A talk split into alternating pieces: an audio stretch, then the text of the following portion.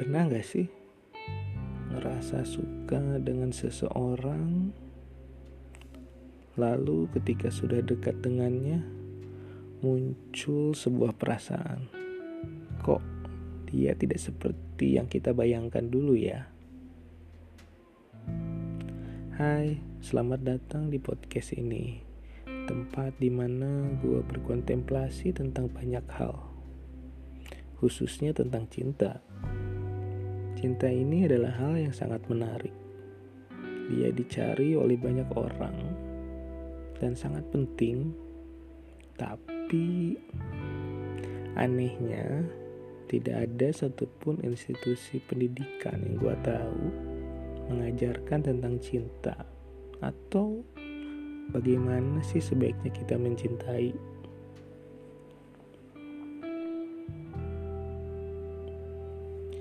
Mari kita kembali ke pertanyaan di awal.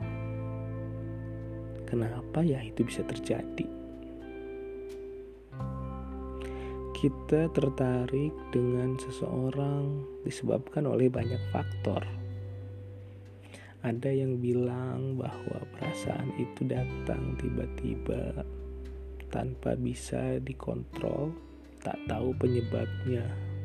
Itu semacam anugerah ketika kita melihat seseorang dan hati kita bergetar. Tapi ada juga yang ingin mencoba menjelaskannya. Mereka bilang sebenarnya ada faktor-faktor tertentu di alam bawah sadar kita yang menyebabkan kita menyukai seseorang. Kita memiliki impian-impian tertentu entah itu fisik, entah itu sifat, atau kualitas lain.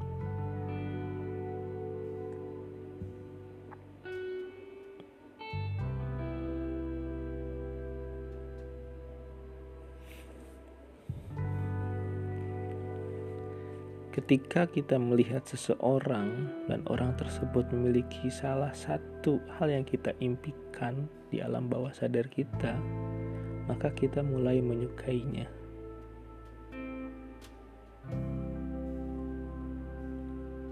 Masalahnya, perasaan itu sering terlalu kuat untuk dilawan. Dan di sinilah masalah dari pertanyaan di awal itu muncul.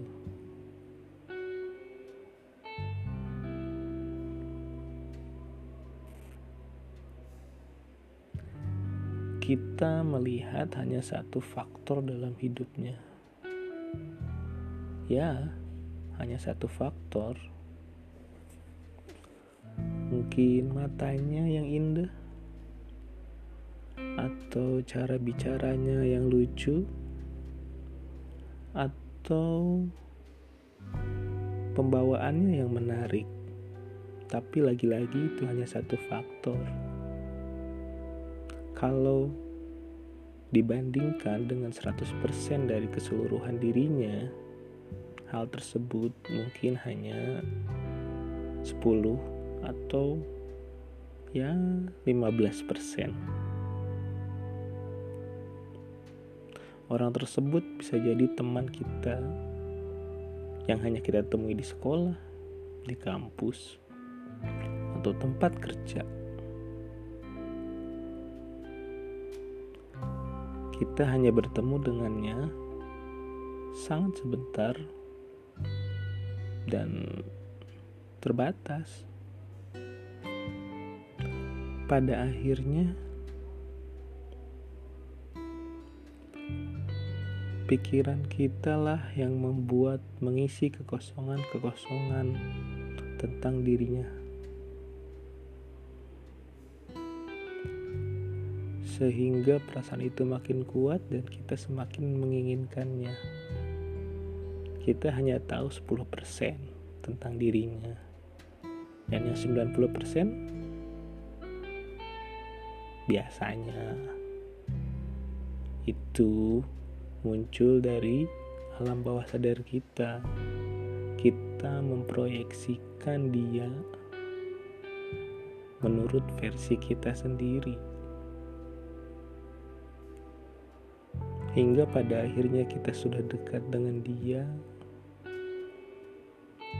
dan mengetahui dia lebih dalam lagi, lebih banyak lagi, dan ternyata dirinya tidaklah sama dengan ada dengan apa yang kita bayangkan di awal. Tentu saja, yang kita bayangkan kan adalah impian.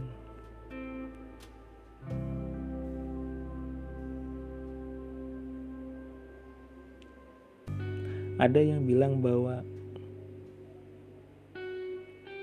untuk memahami rasa suka ini atau istilahnya ada yang menyebut dengan crush kita harus sadar bahwa hal-hal yang membuat kita suka itu hanyalah sepersekian kecil tentang dirinya. Dan jika kita tetap berpegang teguh pada impian kita, pada dirinya dalam versi pikiran kita ya kita harus bersiap-siap kecewa. Justru jika kita ingin melangkah lebih jauh kita harus buang jauh-jauh pikiran itu. Dia dalam versi kita. Kita harus mengenal dia seperti dia apa adanya.